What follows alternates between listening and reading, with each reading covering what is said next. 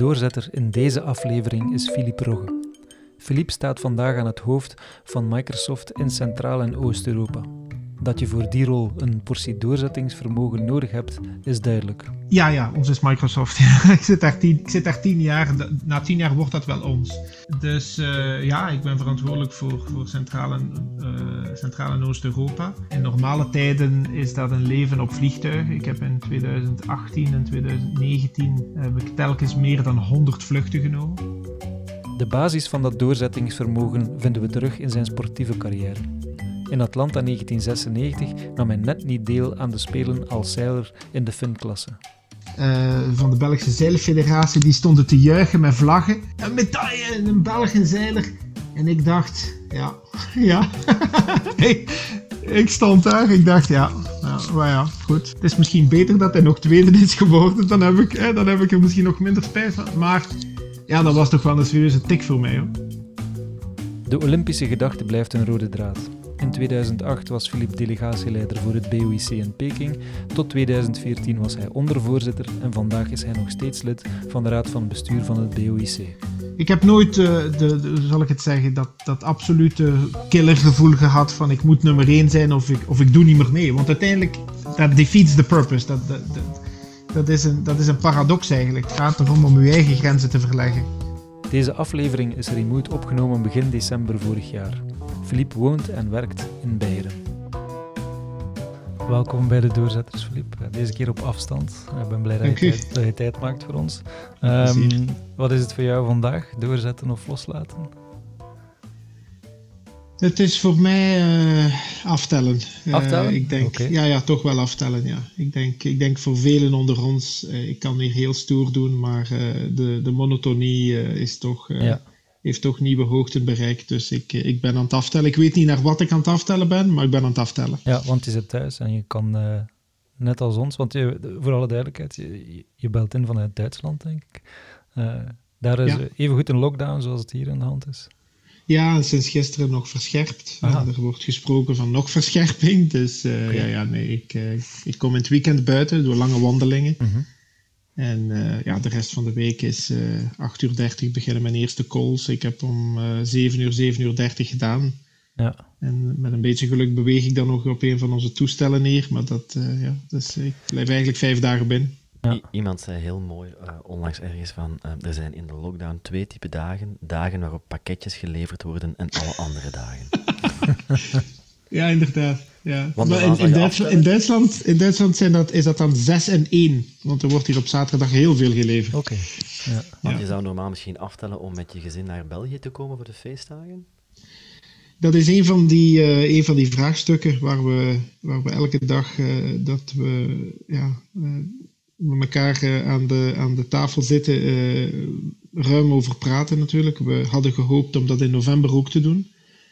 We waren volledig gepakt en gezakt, vrijdagavond. En toen kwam de persconferentie van, eh, van eh, de eerste minister. En toen hebben we besloten om eh, ja, met, met pijn in het hart om hier te blijven Mhm. tijdens de, tijdens de, de novembervakantie.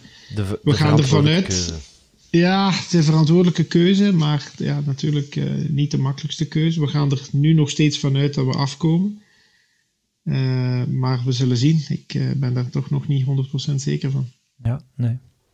Misschien wil ik even inspringen. Ehm, je bent vandaag gekend omwille van jouw internationale positie bij Microsoft, maar je was ooit een begenadigd zeiler. Bent dat misschien nog altijd, maar tot op topniveau geraakt. Ehm, ben eens benieuwd, eh, het lijkt wel alsof jij in een zeilboot bent geboren. Hoe is dat zeilverhaal gestart?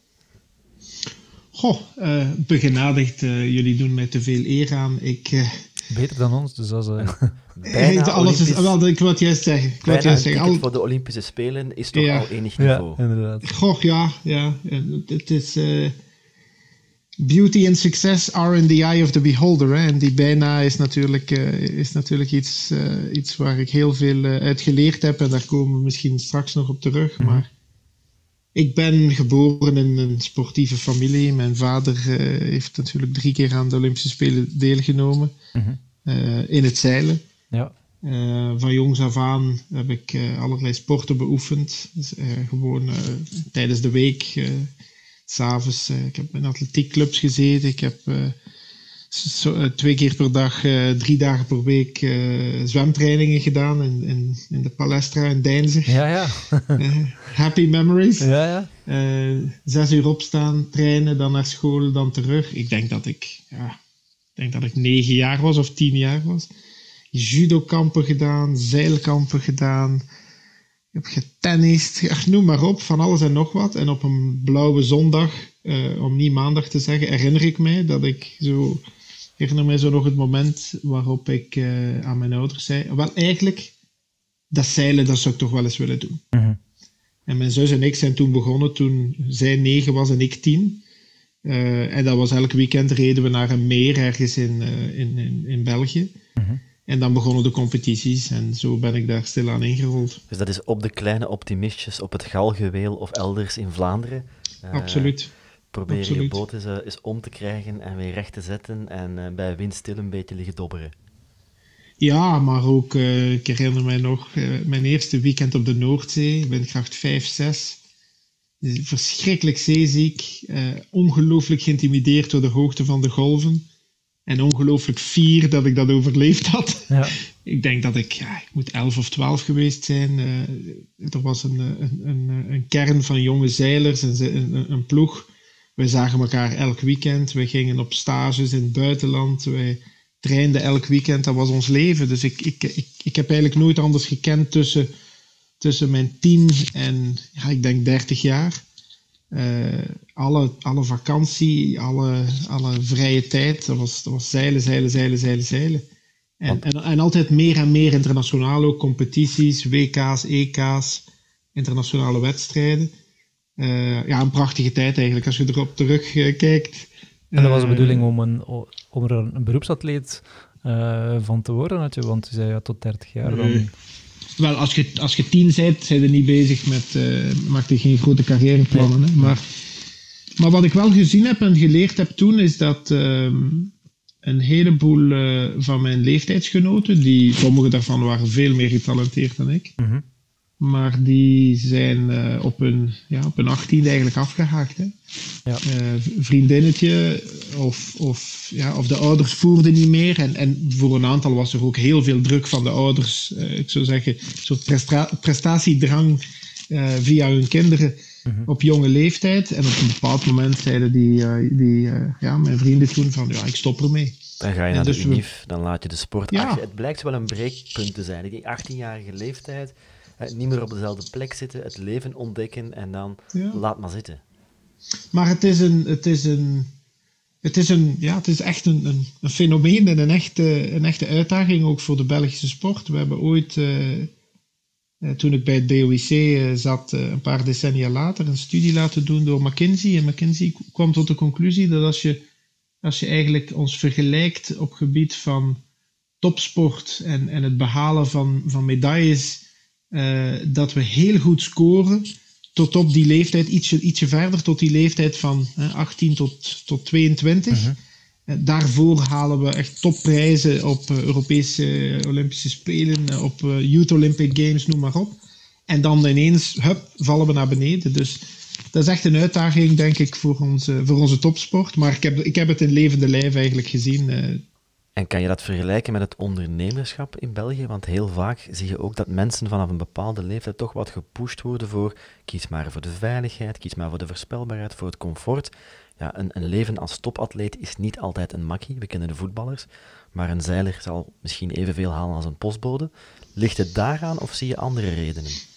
Goh, ik heb ook de periode meegemaakt dat, ja, dat, het, uh, dat eigenlijk internationale sport, ik zou zelfs zeggen tot op het Olympisch niveau, de transitie maakte in mijn sport van het amateurisme naar het professionalisme. En uh, ik zou zeggen, de, de, de periode waarin ik op mijn best was, uh, begonnen mensen echt ja, daar, daar professioneel mee bezig te zijn.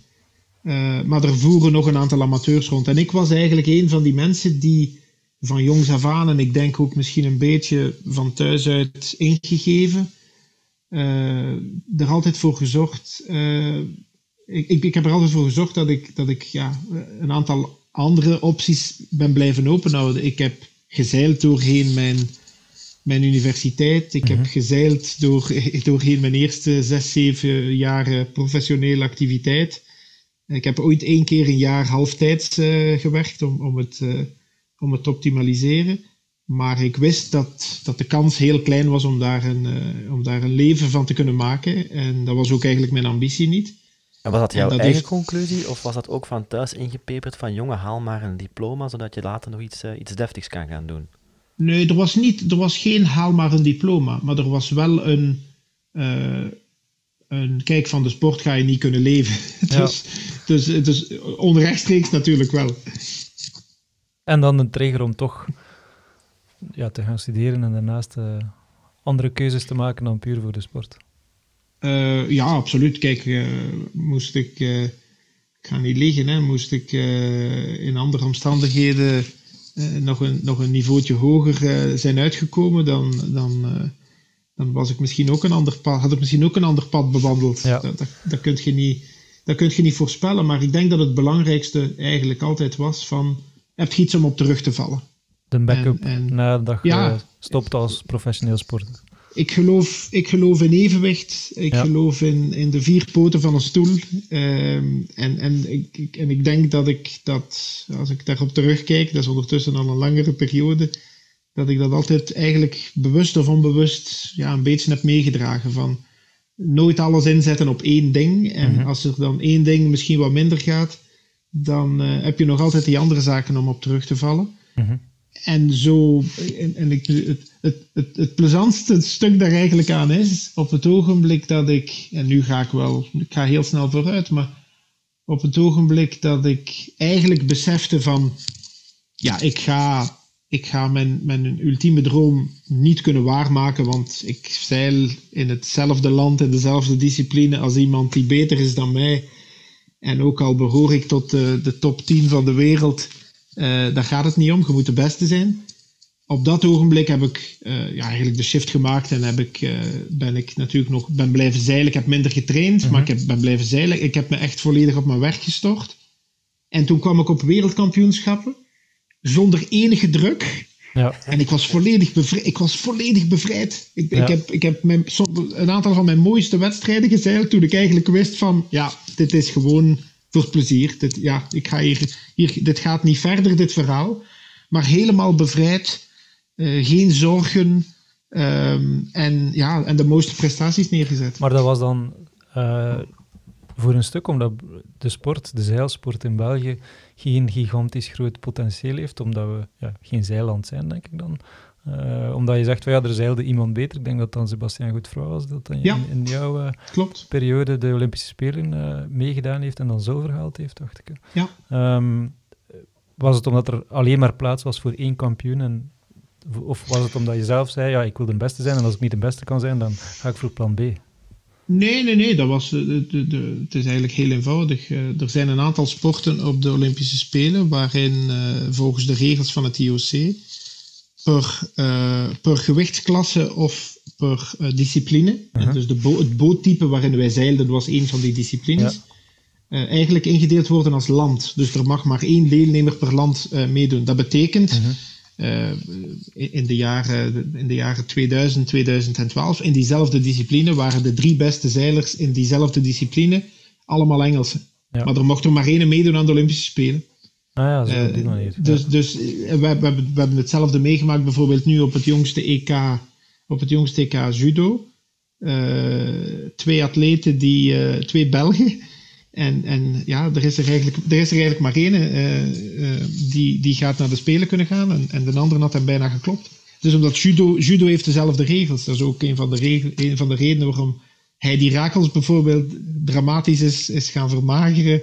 In, in diezelfde periode was het, ik denk dat het in 92 was. Omdat Ula Werbroek in dezelfde categorie vocht. Dus er zijn een aantal van die atleten, die waren trouwens allemaal veel beter dan mij, hè, om even, even om duidelijk te zijn. Maar dat is de, ja, hetzelfde principe, dezelfde regel. Dus ik wist, uh, ik, ik, ik, ik had me ironisch genoeg, genoeg in 95 gekwalificeerd voor Sebastien eigenlijk. Uh, Voor de Spelen van 96. Ja.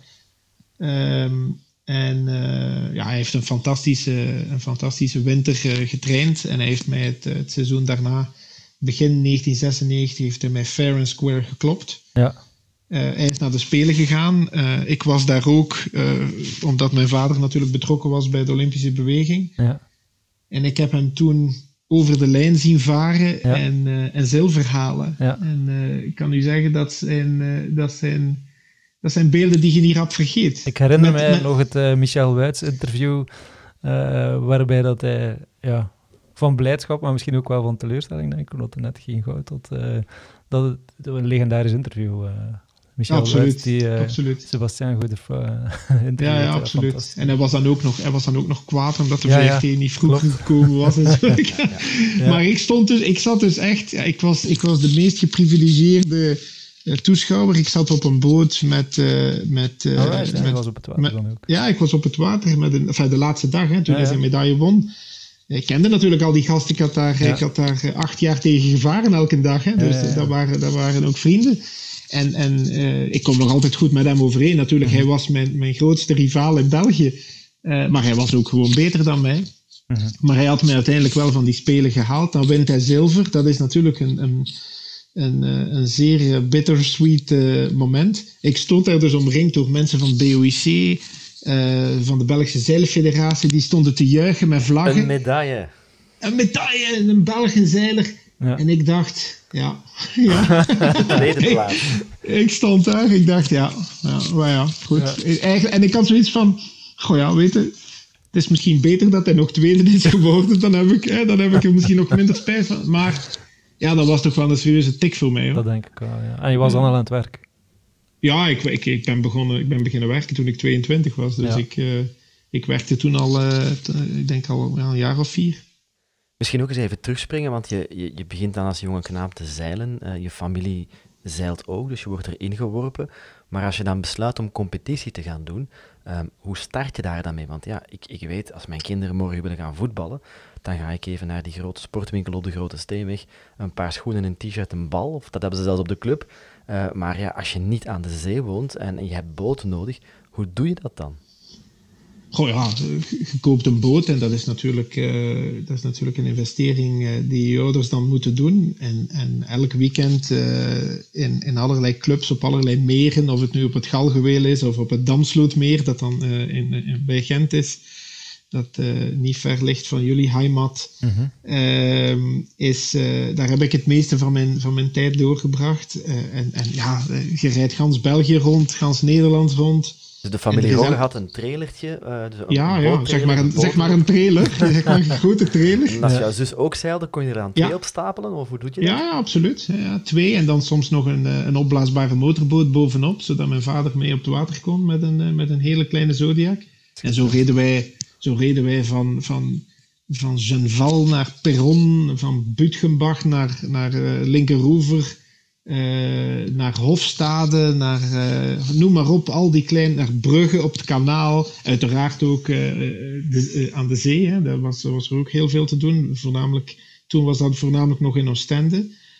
En elk weekend was er wel iets. En dan reed je een keer naar, naar Frankrijk, naar, naar de buurt van Lacanau in, in november. En dan waren er een heleboel wedstrijden op het, op, het, uh, uh, op de Nederlandse plassen natuurlijk. Dus ja. ja. dat was continu, zaten wij ja, zaterdagochtend of zelfs vrijdagavond in de auto. Zeg, en die idee van je moet de beste zijn en, en de tweede is ook maar de tweede, is dat iets dat je jezelf hebt opgelegd? Of kwam dat er een van thuis uit? Of is dat in de competitie? Ben jij een competitiebeest geworden? Hoe ga je van iemand die graag zeilt naar een, een, een competitiezeiler?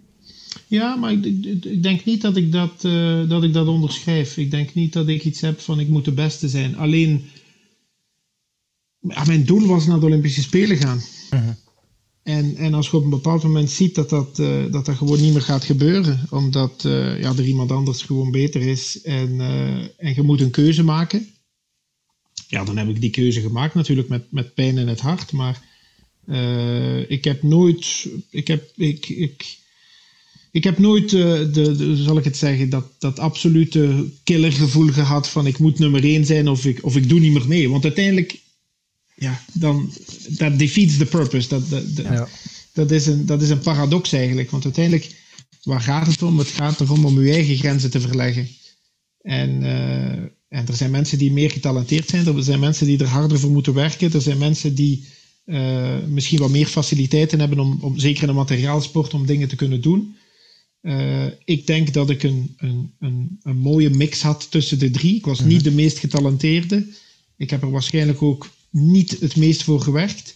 Uh, en ik, had, ik heb het niet het moeilijkste gehad financieel om de, om de, om de touwtjes aan elkaar te knopen. Uh, maar dat heeft mij wel het inzicht gegeven achteraf om, om, om het op die manier te kunnen analyseren. En, en dat, ja, dat schept wel een beetje een wereldbeeld. En dat heb ik professioneel nu ook. Uh, en dat, dat blijft bij. Een stukje het comfort, waarbij dat je er niet alles voor opgegeven hebt en dat het dus ook niet alles te verliezen is op dat moment. Waarbij dat je toch een stuk een beetje de luxe hebt om, ja, wat je zegt, je wereldbeeld, maar ook zo ja, een beetje risicoavers zijn en een plan B uh, voorop te stellen. Maar ik vind dat, dat is een mooie analyse. Dat is een mooie analyse en, en um, dat is ook zo. Ik heb me vaak wel dus de vraag gesteld, uh, om, het, om het in pokertermen te zeggen, had ik moeten all-in gaan. ja, ja. Al uw chips naar voren duwen en zeggen all-in. Uh, en, en ja, je weet natuurlijk nooit hoe dat zou uitgedraaid zijn. Maar, uh, maar dat is wel een vraag waar, dat je, ja, waar dat je toch mee, uh, ja, die mij bezig heeft gehouden. En ik heb er geen enkele spijt van, maar, maar, maar op een bepaald moment kijkt je terug naar jezelf. Ja.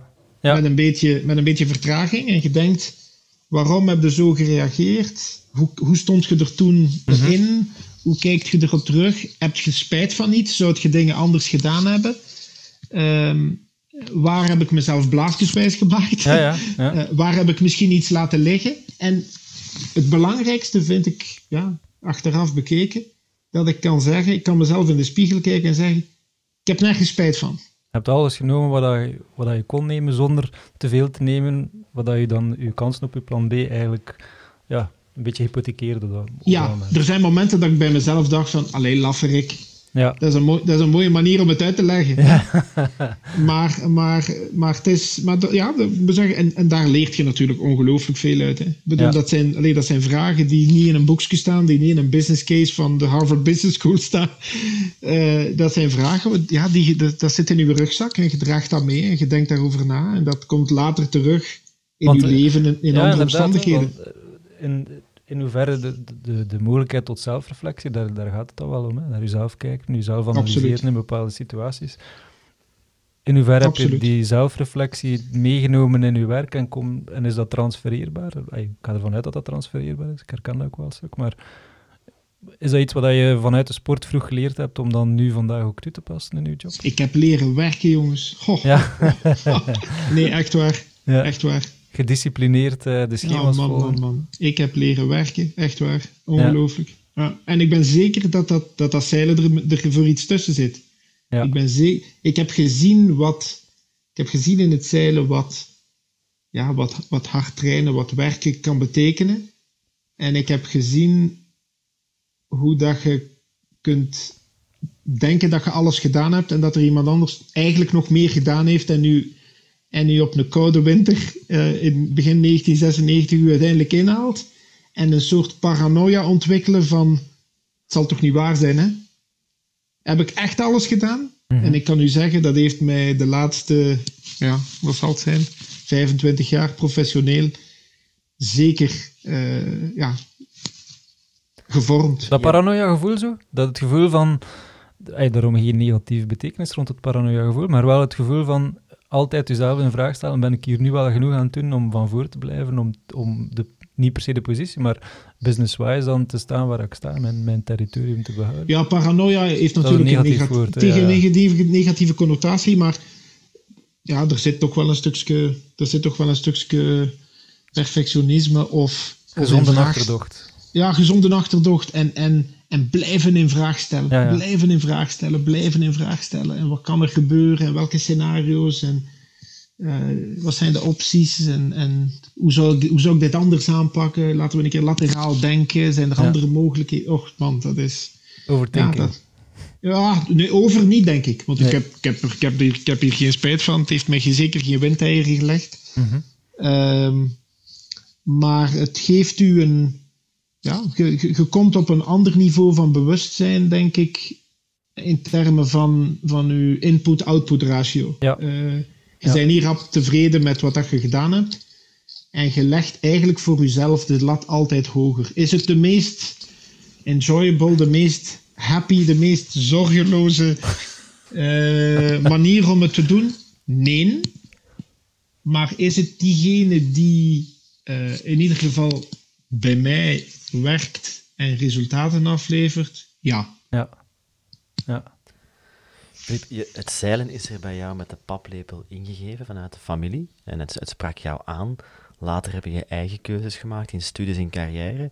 Ehm, hoe heb je die gemaakt? Wat, wat sprak er jou aan in de keuzes die je daarna hebt gemaakt? Die eerste studies, die eerste jobs? Goh, eh, mijn ouders hebben er echt alles aan gedaan om mij zoveel mogelijk andere dingen te laten doen dan zeilen. echt waar.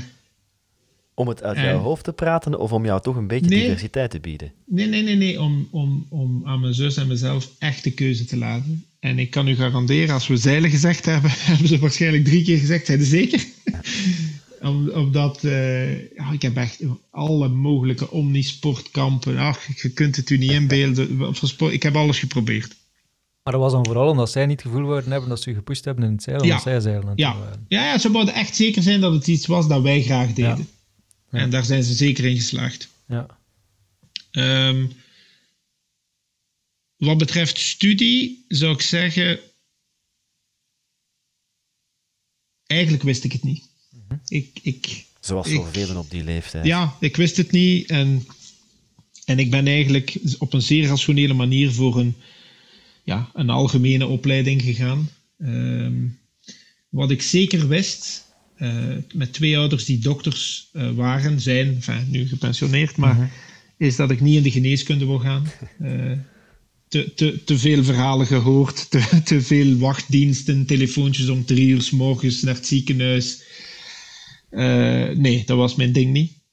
Ehm, dan heb ik, had ik de, ik had de ambitie om eh, burgerlijk ingenieur te, te worden.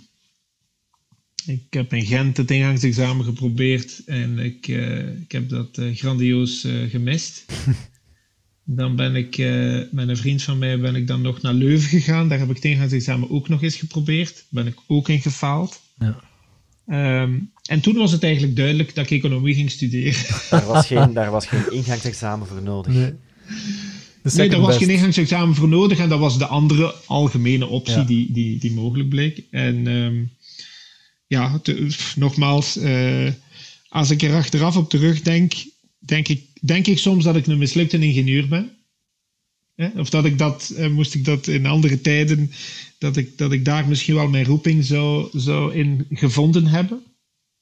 Maar ah, ik, was daar, ik was daar absoluut niet klaar voor. En eh, ik heb eh, twee, keer het gezicht, twee keer deksel op mijn neus gekregen bij het ingangsexamen. Dus, dus dan moet u niet te veel vragen stellen. En, en ik heb een, ja, een fantastische tijd aan de Universiteit Gent eh, meegemaakt. Dus eh, absoluut geen spijt van. En om, omdat je destijds niet all-in bent gegaan eh, voor dat ingenieur? Of zeg je gewoon mentaal, ik was daar nog niet om, om, om dat niveau te halen?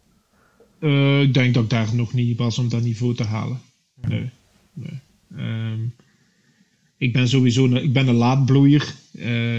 Ook, ook, ook gewoon als, als, als persoon. Ik was, ik was, ik was in, het- in, het, in, eh, in het zesde middelbaar was ik de kleinste van de klas. Ja. En toen ik, eh, toen ik 18 maand later op de eerste klasreunie kwam, toen ik in, eh, in, in het eerste jaar economie zat, toen, ik ga dat nooit vergeten. We stonden, we stonden aan het huis van een van die vroegere klasgenoten en die deur gaat open en hij ziet mij en hij zegt, hij kijkt zo naar boven, Filip? dus ik, was, ik, was, ik ben van de kleinste van de klas naar een meter 90 gegaan in, Ja, eh, De in, acht- krachtverhoudingen mooi laten wijzigen. in 18 maanden of zo. Dus, maar dat gaf ook aan. Ik had de maturiteit toen nog niet om dat te doen en de, en de werklust niet om, om, om, ja, om, om door dat ingangsexamen te geraken. En ja, dat was, ook, dat was ook duidelijk. Achteraf bekeken was dat ook een evidentie. Heb je, Ja. moet- heb je moeten zoeken bij die eerste jobs? Heb je een, een pad afgelegd daarbij? Goh, is dit het nu wel voor de eerste jobs, dat was vreselijk. Echt waar. nooit zoiets, nooit zo, enfin, je eerste job, dat maak je natuurlijk maar één keer mee, maar dat was echt ongelooflijk. Ik was, uh, dus ik, heb, ik ben afgestudeerd in de economie in 91 mm en toen heb ik eigenlijk een jaar, uh, een jaar gezeild. Dus ik heb, ah, ja. uh, ik heb toen eigenlijk alle voorbereidingswedstrijden gedaan met het idee om misschien longshot, maar met het idee om me te proberen kwalificeren voor de Spelen van 92 in Barcelona. Mm ik uh, ben toen uh, met een auto eigenlijk, enfin, met een auto Europa rondgereisd en, en met het vliegtuig de rest van de wereld. Ik heb toen op uh, 14 maand tijd 50 nachten in, in België geslapen. Het leven van een rockster. En, en, en, en 150 nachten in een auto geslapen. dat is iets minder rockster dan. Ja, Vanlife, voor sprake was van echt, YouTube. Echt, echt Vanlife. Ik heb trouwens de boek gekregen van mijn vrouw vorig jaar voor mijn verjaardag. Het boek Vanlife. Ja. Maar uh, ja, ik heb herinneringen. Uh, Sebastien en ik in, in, in, in, in de Nopel van zijn vader in het zuiden van Frankrijk. Een week lang een zeilwedstrijd. Maar echt zeven dagen stortregen. En wij sliepen in die auto. ja. ja. ongelooflijke ervaringen. Dus ja, ik heb, ik heb ja, uh, een jaar en een half echt in, in, in, ja, in, een auto geleefd en geslapen. En de wereld rondgereisd en gezeild van, van het uh, achter het ijzige gordijn uh, tot, tot in Canada. en, enfin, fantastische tijd natuurlijk. vrienden voor het leven gemaakt. Ehm, ervaringen opgedaan. En um, en dan daarna heb ik nog, uh, heb ik nog, uh, nog een jaar gestudeerd aan de Vleringsschool. Mm -hmm. Omdat, uh, ja, niet gekwalificeerd voor de Spelen. Ik kwam terug. ik, had, ik had wilde haren en een mooie, een mooie hoe zeg je dat? een mooie kleur een hè, beetje van de zon. bohemiaan. Bo totaal bohemiaan. Ja. En ik was nog niet klaar om onmiddellijk te gaan werken. Dus toen heb ik een jaar, sorry, ja, toen heb ik nog een jaar aan de Vleringsschool gestudeerd. Um, in het, uh, in het PUB-programma. Uh, dat was ook een goede tijd. En dan daarna uh, ja, moest er gewerkt worden. En ik heb toen 50 brieven gestuurd. Dat right, was nog mijn brief. Dat was nog mijn brief, ja. Heerlijk voor iemand die vandaag in, in de technologie werkt, ja. die nog moet solliciteren Echt. per brief.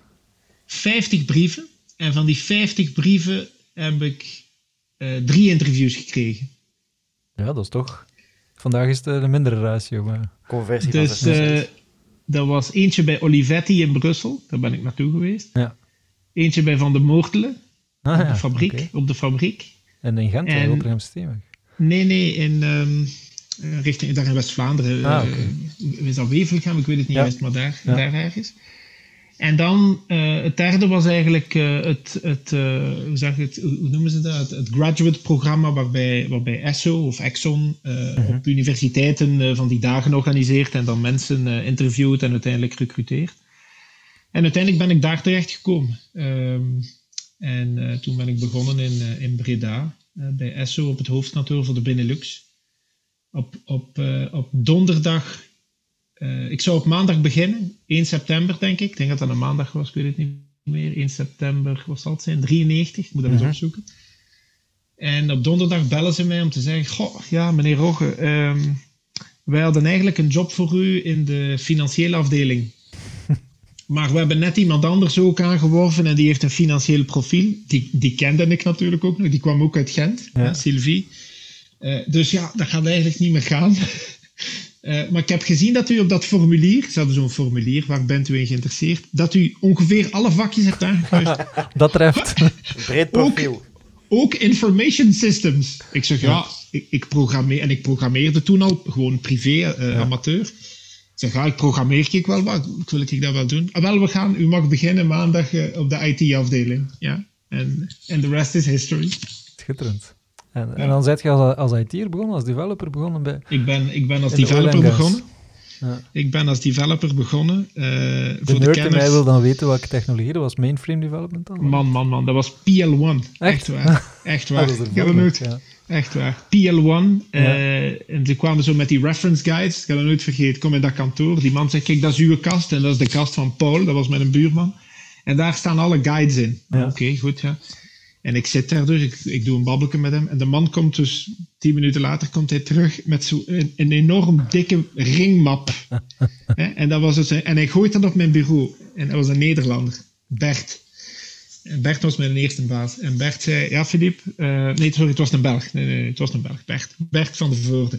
En Bert kwam binnen en hij zei, ja, uh, je moet hier iets aanpassen. Um, hier zijn de referentieguides, zoek dat maar op, dat gaat wel lukken. En ik moest, ik moest dus het, het, uh, het, het jaarveld, ja. dus uh, DDMMYY, ik moest het jaarveld verlengen van 2 naar 4.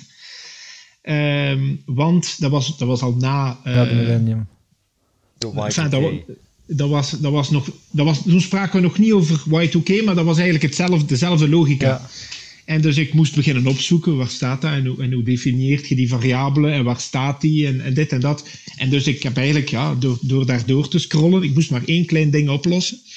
Maar voor hen was het veel te duur om de, om de specialist uh, te vinden, want op, in die tijd waren die, die, uh, die niche, die niche systemen die mensen vroegen, weet ik veel, dat was toen al, vroegen die mensen al het equivalent van uh, eh, 1500 euro per dag. Ja. Dus ze dachten, we gaan die, jong, we gaan die jonge gast hier aan het werk zetten. uh, we gaan hem wel laten zoeken. Ook al duurt het een maand, het zal nog ja. goedkoper zijn dan zo'n eh, zo'n consultant in uur. En zo ben ik daarin gerold. En ja, fantastische tijd gehad daar. Het was eigenlijk de papieren Stack Overflow.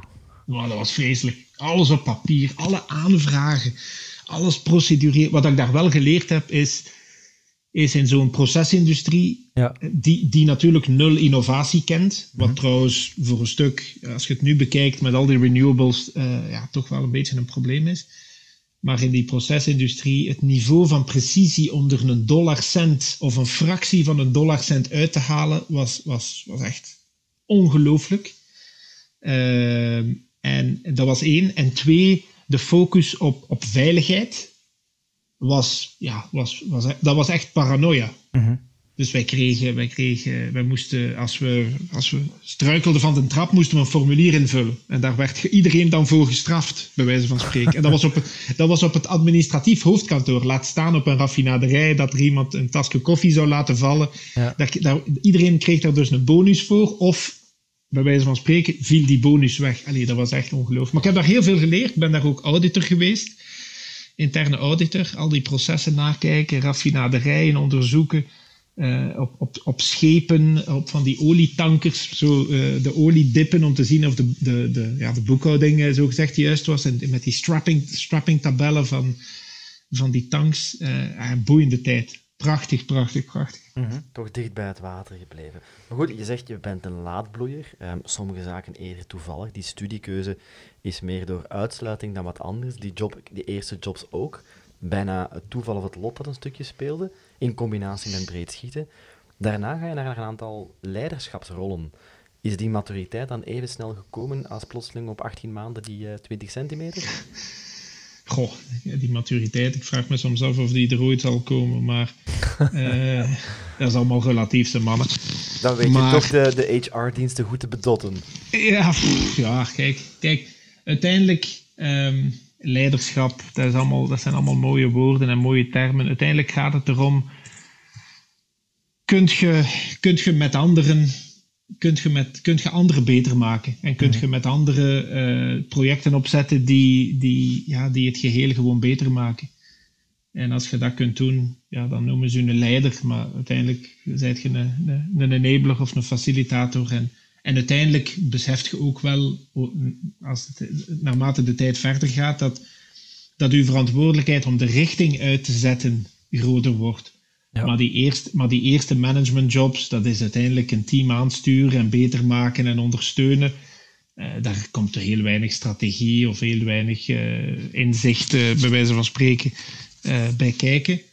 En, en dat, ja, dat, is, dat is later hoor. Maar dan op een gegeven moment is er toch iemand die zegt, die Filip, die, die heeft iets, die kan het. Want jij stroomt door waar anderen vastlopen. Um, heb je daarop gericht? Was dat een, een, een doel voor ogen of is dat eerder toevallig gebeurd? Ik, ja, dat klinkt natuurlijk dat klinkt vreselijk om dat te zeggen, maar, maar ik ben eigenlijk altijd gevraagd om rollen te doen en ik heb, er eigenlijk, ik heb eigenlijk nooit gesolliciteerd voor die andere rollen op hogere niveaus. Um, je moet wat geluk hebben, denk ik, en je moet, ja, de, uh, ook het geluk hebben dat je een aantal mensen hebt die in je Mhm. Ik heb bijvoorbeeld het geluk gehad dat toen ik bij Belgacom, eh, zelfs nog voor ik bij Belgacom kwam, dat iemand als John Goossens iets in mij gezien heeft. Eh, dat toen ik daar was, dat hij, dat hij always kept an eye out for me. Ehm, er zijn nog een aantal andere mensen. Eh, Michel Vermarken bijvoorbeeld bij Belgacom, die later eh, de basis geworden van, van Fibelfin. Ja, die, die, dat, was, een- dat was een supporter. Die, die gaf mij kansen. Die geloofde in mij. Ehm, en en ja, als je zoiets, als je zo'n situatie hebt en je, zit in zo'n om- omgeving, dan, eh, ja, dan, dan is alles een stukje makkelijker. Maar dat neemt niet weg dat je er wellicht moest voor werken. En dat het geen... Ja, natuurlijk. Ja, maar nogmaals, er zijn heel veel mensen die heel hard werken.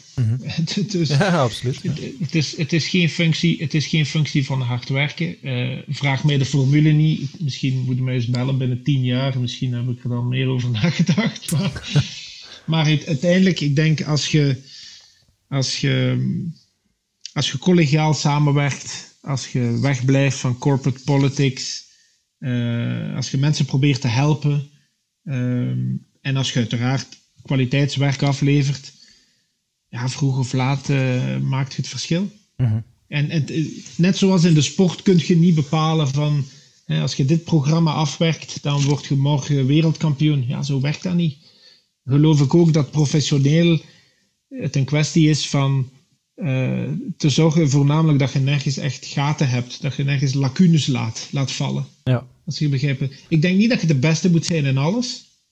Eh, maar ik denk wel dat het helpt om, om, om, om zeer polyvalent te zijn. En bovendien heb ik altijd zelf ook professioneel, als je nadenkt over, over de verschillende functies die ik gehad heb.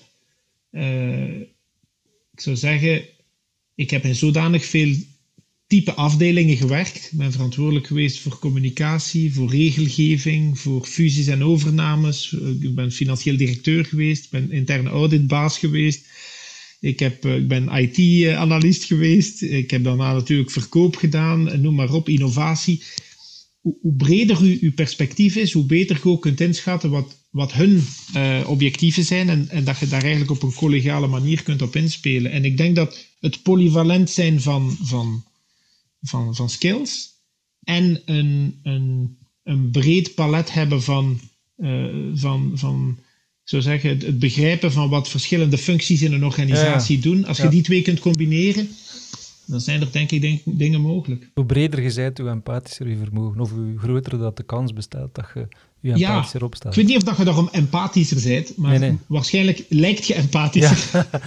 je snapt in ieder geval wat een ander zegt. eh, Ja, dat is het. En je kunt in ieder geval inspelen op wat zij zoeken. Ik merk dat nu ook. Ik, ik, in mijn rol nu natuurlijk ben ik heel veel bezig met, ja, met, met, eh, met government affairs, hè, met overheidszaken en eh, een minister die belt en die niet content is. En, of, met, of met PR en, en er worden dingen gezegd enzovoort. Als je dat gedaan hebt, als je die rol zelf gehad hebt, is dat toch een stukje makkelijker om in te schatten van oké, hoe gaan we dat hier aanpakken?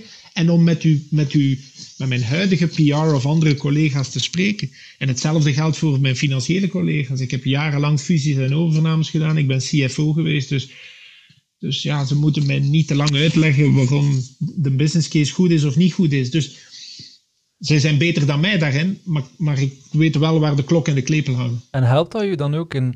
Want je zegt, ja, in het uitstippelen van de richting waar je naartoe wilt, van de, de vlag te zetten waar dat jij de vlag wilt zetten in de toekomst, de visie uit te zetten. Want ja, hoe beter dat je iemand snapt, hoe beter dat je iemand kunt sturen in een bepaalde richting, zonder dat hij dat zelf doet. Ik denk het wel. Ik denk niet dat het zo. Ik denk niet noodzakelijk dat het te maken heeft met het zetten van de vlag, want die vlag is meestal toch een externe vlag. Ja, allicht, ja. Eh, maar het vertalen van die vlag vanuit hun perspectief, Ja, zeker. ja. Zeker. Mensen meekrijgen in een richting helpt wanneer dat je... Wel, als je aan die mensen kunt uitleggen, als je tegen, als je tegen een financiële man spreekt, dan, dan, dan legt je die visie en dat plan dat er, je legt hem dat uit en je zegt, dit, dit is het investeringsprofiel. De eerste twee jaar gaan pijn doen en dan gaat het dit en dit en dit zien en die payback gaat het zo en zo zien. Als je spreekt met je communicatiemensen die natuurlijk zeer belangrijk zijn, dan zegt hij, kijk, dit zijn volgens mij de belangrijkste audiences, hè, de Ja. belangrijkste doelgroepen die je probeert te bereiken. Ik denk dat die de belangrijkste zijn. En ik denk dat de boodschappen of de impressie die we willen achterlaten bij dat soort mensen dit en dit is. En dus iedere keer vertaalt je dat naar, als ik dat, als ik dat vertel tegen mijn verkoopsteam, dan leg ik hen uit waarom de klanten daarvoor gaan willen betalen en hoe dat zich dat gaat vertalen in hun bonussen. Ja. uh, als ik enzovoort. Dus ja. dat is denk ik, dat is dat, ja, dat, dat is dat, dat uh, de, de, die ervaring als generalist helpt ja. zeker. Ja. Zit er nog een stukje zeiler in de leider? Uh, je hebt heel veel mooie beeldspraken in het zeilen, de koers uitzetten en zoveel meer. Neem jij dingen mee uit het zeilen naar jouw leiderschap, hè? De, de horizon verkennen en zo verder? Goh, ik denk het wel. Ik moet eerlijk zeggen, ik heb de laatste paar jaar veel te weinig gezeild. Uh, en dat is eigenlijk weggevallen op het ogenblik dat wij naar China zijn verhuisd. Um, waar dat ja, quasi onmogelijk was. Uh, normaal leven is daar al quasi onmogelijk, laat staan een, een, een hobby uh, beoefenen.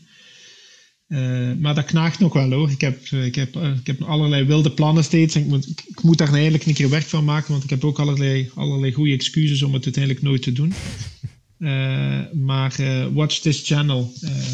dat, gaat, dat gaat nog gezeild worden. Ja. Want jouw maar kinderen zijn vandaag op de leeftijd dat jouw ouders met jou de boemel opgingen. Neem je hen dan mee op sleeptouw op een andere manier de wereld rond? Is dat de diversiteit die jij je kinderen aanbiedt?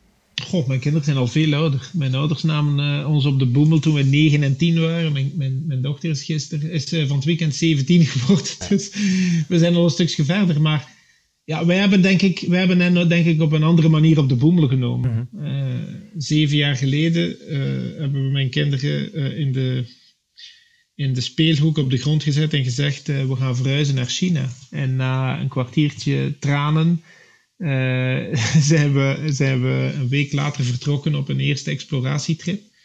En ik denk dat we hen uh, voor een stuk de wereld hebben kunnen laten zien. Uh, ze zijn van de ene dag op de andere dag van het Sint-Pieters Instituut in Gent op een internationale school in Peking in het Engels beginnen studeren, terwijl ze geen woord Engels spraken.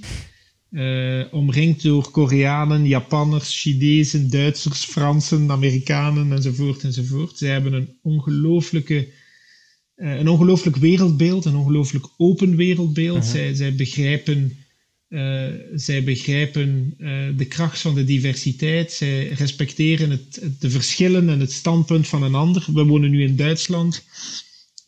dus als je zegt op sleeptouw nemen, dan zou ik zeggen: het equivalent voor mijn vrouw en, en mezelf is, is, is, is dat geweest. En dat is uh-huh. denk ik nog altijd de beste beslissing die ik niet alleen professioneel, maar ook privé die we privé hebben genomen. Uh, om hen dat te geven. Daarnaast doen zij ook sport. Mijn zoon speelt rugby, is vorig jaar uh, kampioen geworden van, van Bayern. Hè. We wonen in München, van, van, van Bavaria. Bayern, ehm, in het rugby. Mhm. Mijn dochter heeft jarenlang hockey gespeeld hier ook in een, in een ploeg. ze hebben nog allerlei andere sporten gedaan. Dus uiteraard dat sportieve krijg je er bij ons moeilijk uit.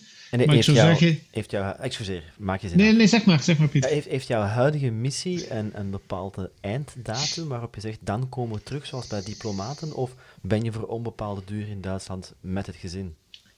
Uh, ik ben voor onbepaalde duur in Duitsland. Uh, ik heb een, uh, een, regionale rol nu. Ik ben verantwoordelijk voor al onze activiteiten in Centraal- en Oost-Europa. dus dat zijn 34 landen. Um, ons is dan uh, Microsoft. Hè? Ja, ja, ons ja. is Microsoft.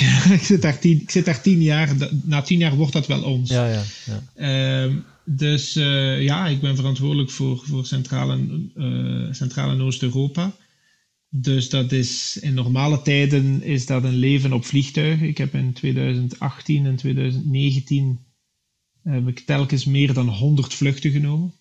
Uh, maar dan niet zelfs... meer in een Opel geslapen, maar ergens toch in een betere residentie gelegen.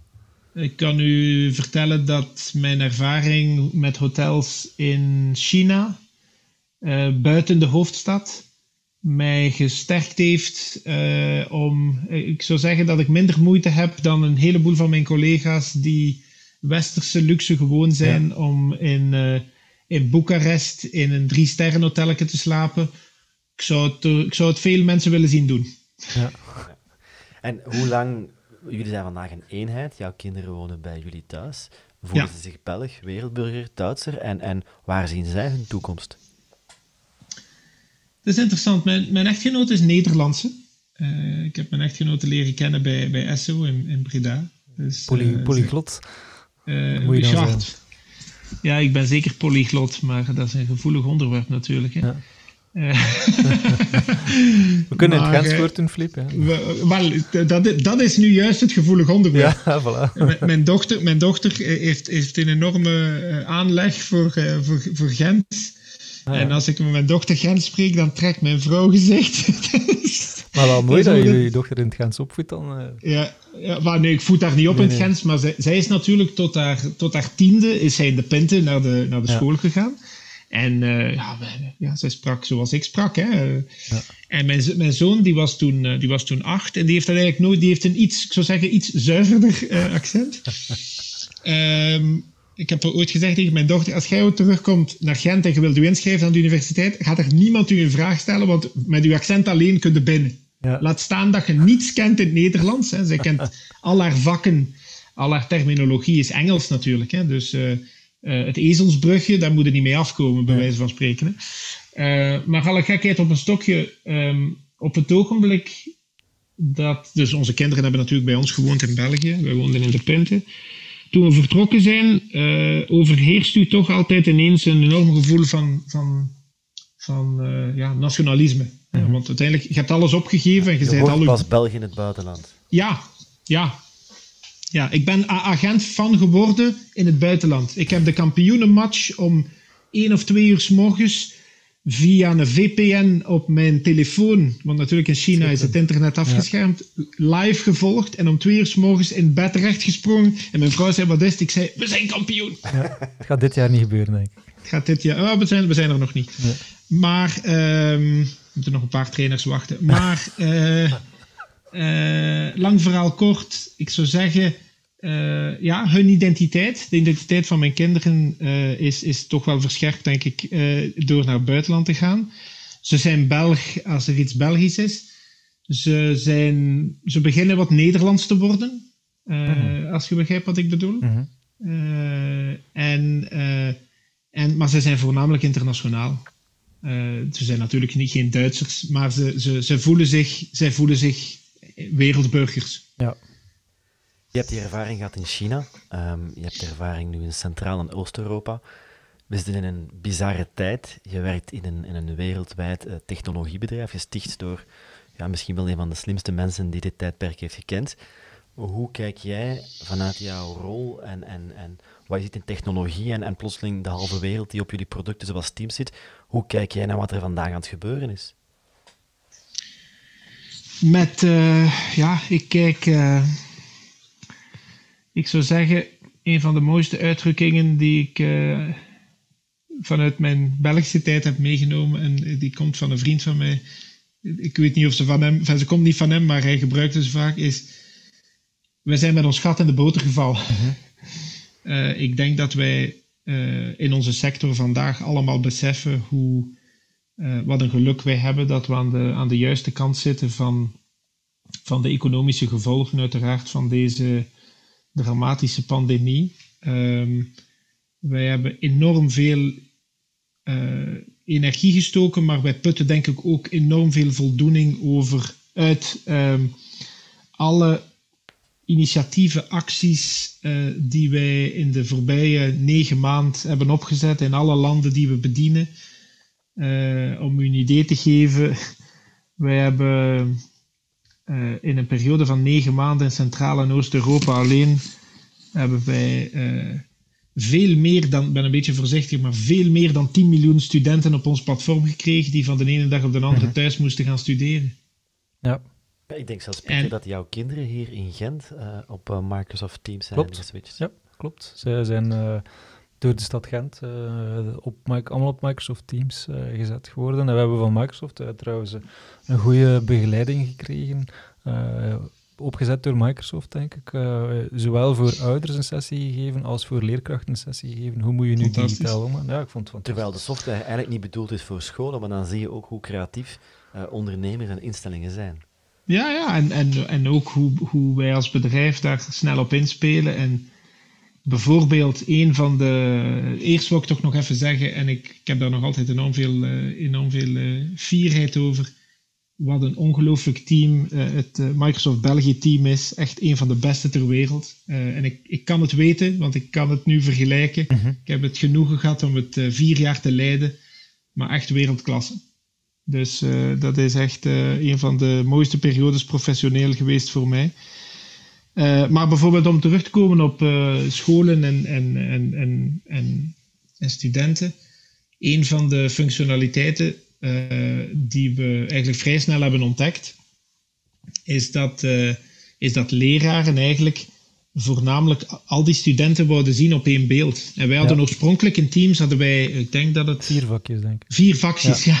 En wij kregen heel snel de feedback van, ja, maar dat is, niet, dat is niet genoeg, want ik ben leraar en ik moet al die studenten kunnen zien tegelijkertijd. En ja, zes weken later of zo hadden we er uh, 49, eerst 9 en dan 49. Dus uh, het, het, het, we hebben toen een explosie gezien uh, van teams. We hebben zelfs een tijdelijke capaciteitstekort gehad van, met een factor 60 uh, op, op 14 dagen.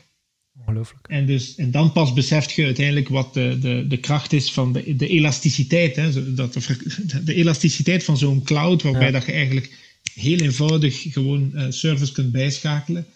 Uh, dat is een ongelooflijke periode geweest. En nogmaals, ja, ik, ik, ik, ik zit vandaag in een situatie waarin ik uh, vrienden heb die, die salaris hebben moeten inleveren, die een job zijn, uh, zijn verloren, die, uh, die um, uiteraard lange periodes technisch werkloos geweest zijn. En wij konden het werk bijna niet bijhouden. Wij zijn mensen aan het recruteren in onze ja. regio. Um, wiens partner een job is verloren, als je begrijpt wat ik bedoel. Dus dat, ik moet zeggen, dat, is, dat, dat, dat creëert toch ook wel een zekere vorm van uh, een schuldgevoel of een stress of een verantwoordelijkheid. En mijn mensen spreken daar wel over. Mm -hmm. um, maar goed, ja, en we proberen dat een stukje om te zetten in, in, in een sense of purpose. Hè? Van, we, zijn wel, we zijn wel met goede dingen bezig. En, en we, we ondersteunen bedrijven en studenten en landen. Het aantal brieven en presidenten en eerste ministers. Enfin, ik ben niet van de name dropping, maar mensen waren echt hopeloos, hè? echt ja. desperate. Hè? En, ja. en, en, we hebben echt alle zeilen bijgezet. En uiteraard is dit, dat is nu wel wat gestabiliseerd, maar um, ja, wij gaan, hier, wij gaan hier allemaal anders uitkomen. Dit, uh, dit gaat niet meer teruggaan naar, waar, naar wat het was. En dat wil niet zeggen dat het slechter zal zijn. Maar dit gaat ons, ja, dit gaat ons leven, hè, onze generatie. Jullie zijn wel jonger dan mij, maar dit gaat ons blijven tekenen. We gaan hier uh, de gevolgen van blijven zien tot, uh, ja, tot we er niet meer zijn, denk ik. Dat denk ik ook. Ja, Want, tot, ja. Ja, we hebben nu eigenlijk al een, een, een, hele grote sprong voorwaarts genomen. Hè. Misschien de groei die jullie ook hadden geforecast uh, op, op vijf jaar, die, die zie je plotseling op een half jaar vooruit gaan. Ik vind het ook boeiend hoe je zegt van de groei in, in, een, in een scaling, in een cloud model. Ik werk zelf in e-commerce logistiek. Dat is een heel ander verhaal. Ik verwijs vaak naar de software. Van ja, de softwaregroei waar je gewoon in clouds uh, kan verdubbelen in capaciteit, die hebben we in logistiek niet. Dat is makkelijk. um, maar wat denk je dan als we nu hier al zijn en, en de situatie houdt aan of verandert, of uh, ik ga het woord nieuwe normaal niet gebruiken, ja, wat verwacht je dan de komende jaren dat er gaat gebeuren? Waar, waar ga je op inzetten? Goh, ik, ik, als je zegt nieuwe normaal, dat is natuurlijk een cliché. En ik vind, uh, ik vind de, de beschrijving van, uh, van Peter Hinsen eigenlijk nog de beste. The never normal. Uh -huh. Want uiteindelijk, uiteindelijk uh, daar komt het voor een stukje op neer. normaal betekent dat je eigenlijk in een, in een soort rustperiode komt en, dat, en dat, ja, dat, dat er reflexen zijn en dat je eigenlijk niet meer moet nadenken, dat je gewoon naar een soort uitvoering kunt gaan. En ik denk dat we echt in een soort never normal zitten, waarbij ja, waarbij die versnelling uh, en die, die transformatie alleen maar gaat, uh, gaat, gaat, gaat aanhouden en zo mogelijk gaat versnellen. Dus ik, ik, ik denk dat dat de mindset is waar we nu moeten, moeten mee bezig zijn. Waar ik, um, waar ik nu op zou inzetten, is, zijn een aantal zaken. Ten eerste um, is er denk ik uh, is er een nood aan uh, ik zou zeggen, een zin voor verantwoordelijkheid van de technologiespelers. Uh -huh. Om op een uh, bewuste manier om te gaan met de huidige of toekomstige gevolgen van de, in, van de technologie die zij invoeren. En waarvan helaas veel beleid, beleidsmakers misschien niet eens begrijpen wat die technologie nu doet of wat de gevolgen kunnen, kunnen zijn. Heb je het dan over AI tot deepfakes, tot, tot facial en, en biometrisch? Ik, eh, ik zou beginnen met uh, Senator Reserve Ads. Ja. Als, je als, je, als je begrijpt waar ik het over, ja. uh, over heb. Ik zou, ik zou zelfs daarmee willen beginnen. Het was tekenend, hè, toch? Ja dat was toch een tekenend moment. En dan hebben we het nog niet eens over groundbreaking innovatie, bij wijze van spreken. Hè? Dus dan hebben we het over een businessmodel dat tien jaar geleden is ingevoerd.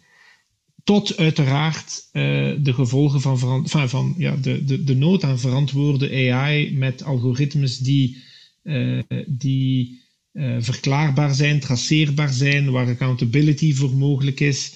Um, die niet discrimineren, waar de datasets uh, ook geen bias uh, veroorzaken enzovoort enzovoort. Dat is een volledig nieuw speelveld dat open gaat en dat vandaag eigenlijk in de handen ligt van diegenen die, ze, die die technologie uh, vermachten. En heb je vertrouwen dat die zichzelf kunnen reguleren en flink houden, zeker in afwezigheid van voldoende kennis soms aan overheidszijde?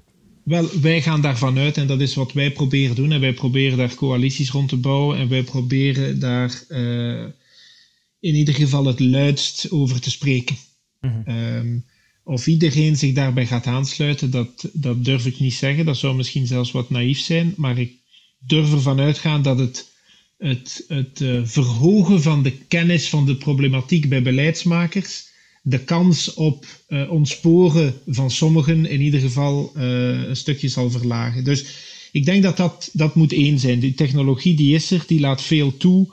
Um, ik lees dat, uh, ik lees dat uh, bepaalde van onze beleidsmakers uh, gaan tellen hoeveel pizza's worden afgehaald tijdens de kerstperiode om te bepalen hoeveel mensen er in een gezin zijn. Mhm. ik, vind dat, ik vind dat prima. maar laten we, laten we daar eens over nadenken, ook in een context van technologie. Ja. Want uiteindelijk, dat zijn dezelfde vraagstukken. Waar trekt je die lijn rond privacy? Uh, wat zijn de doelstellingen, uh, enzovoort, enzovoort. Dus dat is denk ik het... Ja, zeg, maar.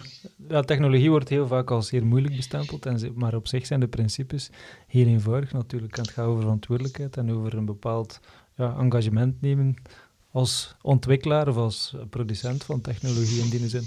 Waarbij dat je denk ik nu niet meer nieuwe functionaliteiten ontwikkelt, als je het plat kunt uitdrukken, maar wel een stuk verantwoordelijkheid neemt of kaders schept in de functionaliteiten die je de voorbije jaren en nu in de pandemie misschien iets versneld hebt gerealiseerd. Dus in die zin ga je misschien wel minder snel grote stappen zetten. Dat is juist, maar langs de andere kant, je moet wel iemand hebben aan wie dat je verantwoording kunt afleggen. En iemand die begrijpt, en iemand die begrijpt uh, met de beste wil van de wereld, als je verantwoording wilt afleggen, uh, moet je ook iemand hebben aan de andere kant die het begrijpt. En ik denk dat we daar even moeten over nadenken. Uh, ik denk dat we er allemaal bij gebaat zijn om, om om die instanties uh, te helpen. Uh, wij schrijven letterlijk witboeken over wat regelgeving zou moeten zijn die men ons zou moeten opleggen. Je kunt zeggen, ja, ja, dat is gemakkelijk. Hè?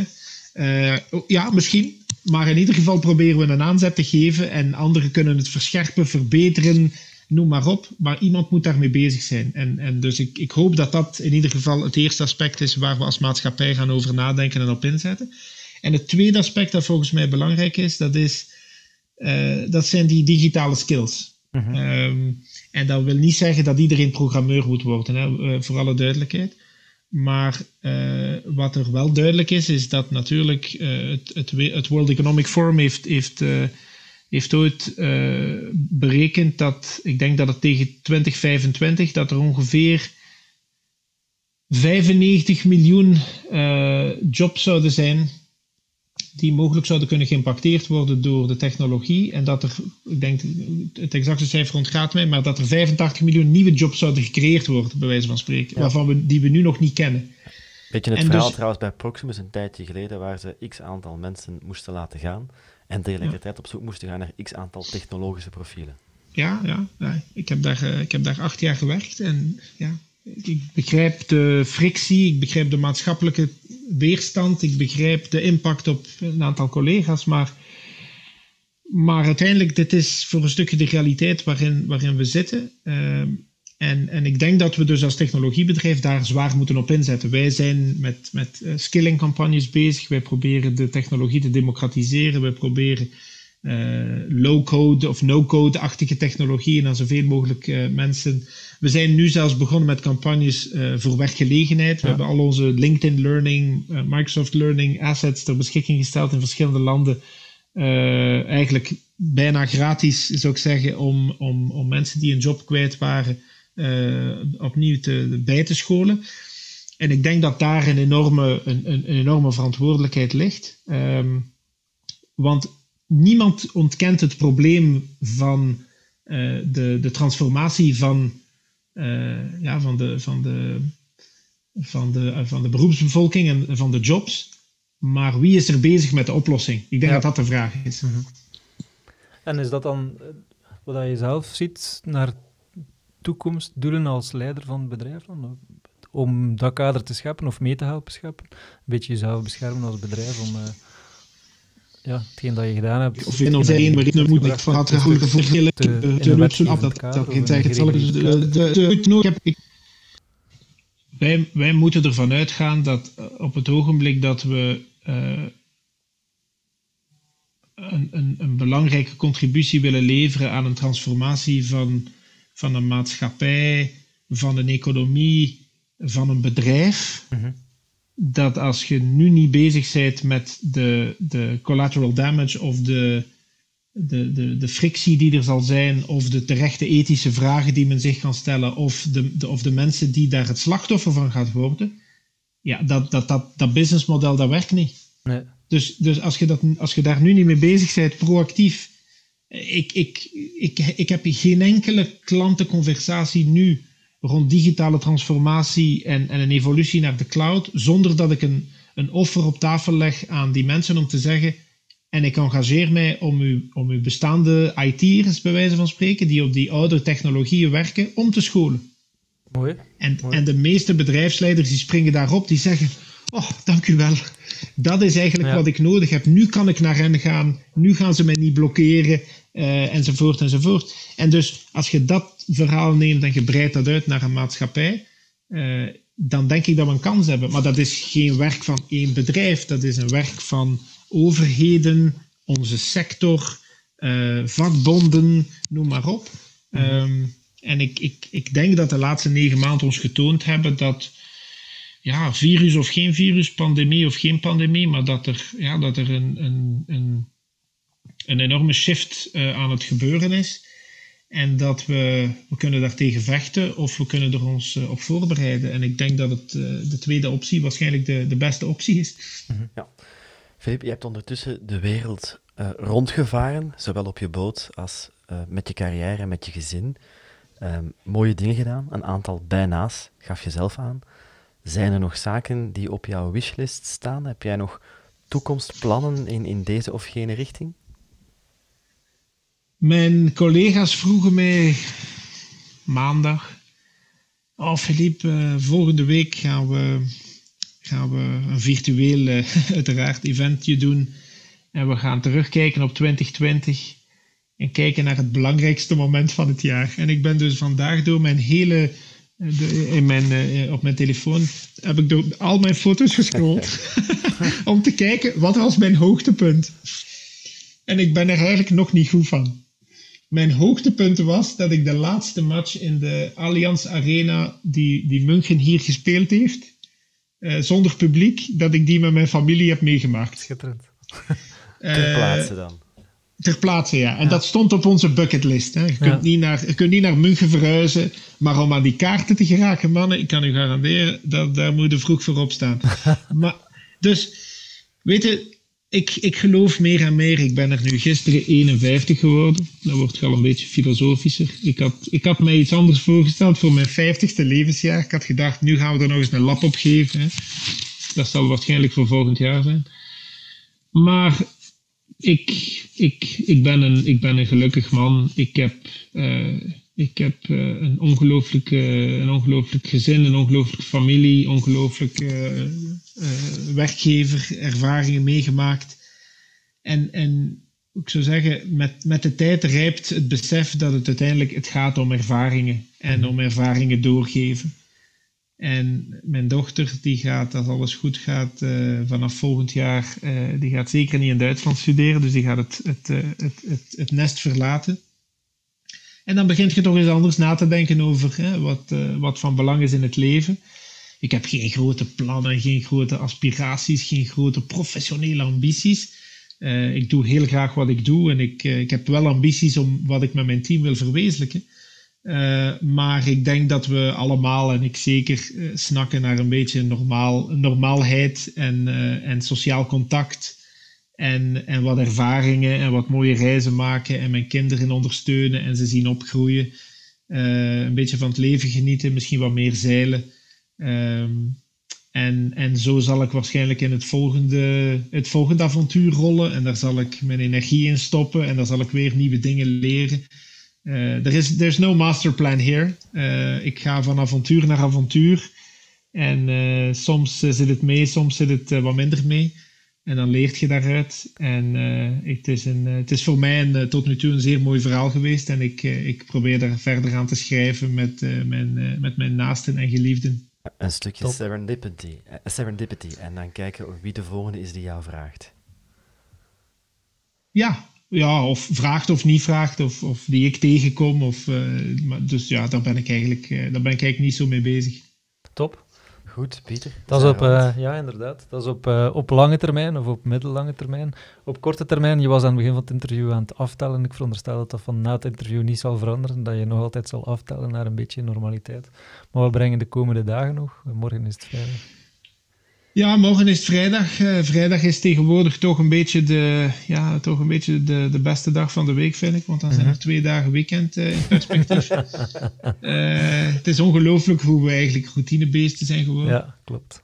dus ja, het perspectief is, als alles goed gaat, nog, nog een paar dagen hier. Dan proberen voor de voor de lockdown uh, voor de België weer grenzen worden afgesloten. Tot alle grenzen afgesloten worden. Uh, proberen om, uh, om het, het thuisland te bereiken. Ja. Al dan niet met quarantaine. proberen van ja, wat tijd door te brengen. Dat zal niet met uiteraard geen, geen gekke dingen doen. Geen, geen, geen gezondheidsrisico nemen met, met ouders. Maar toch een, een, een keer een andere, een andere scenery. Ja.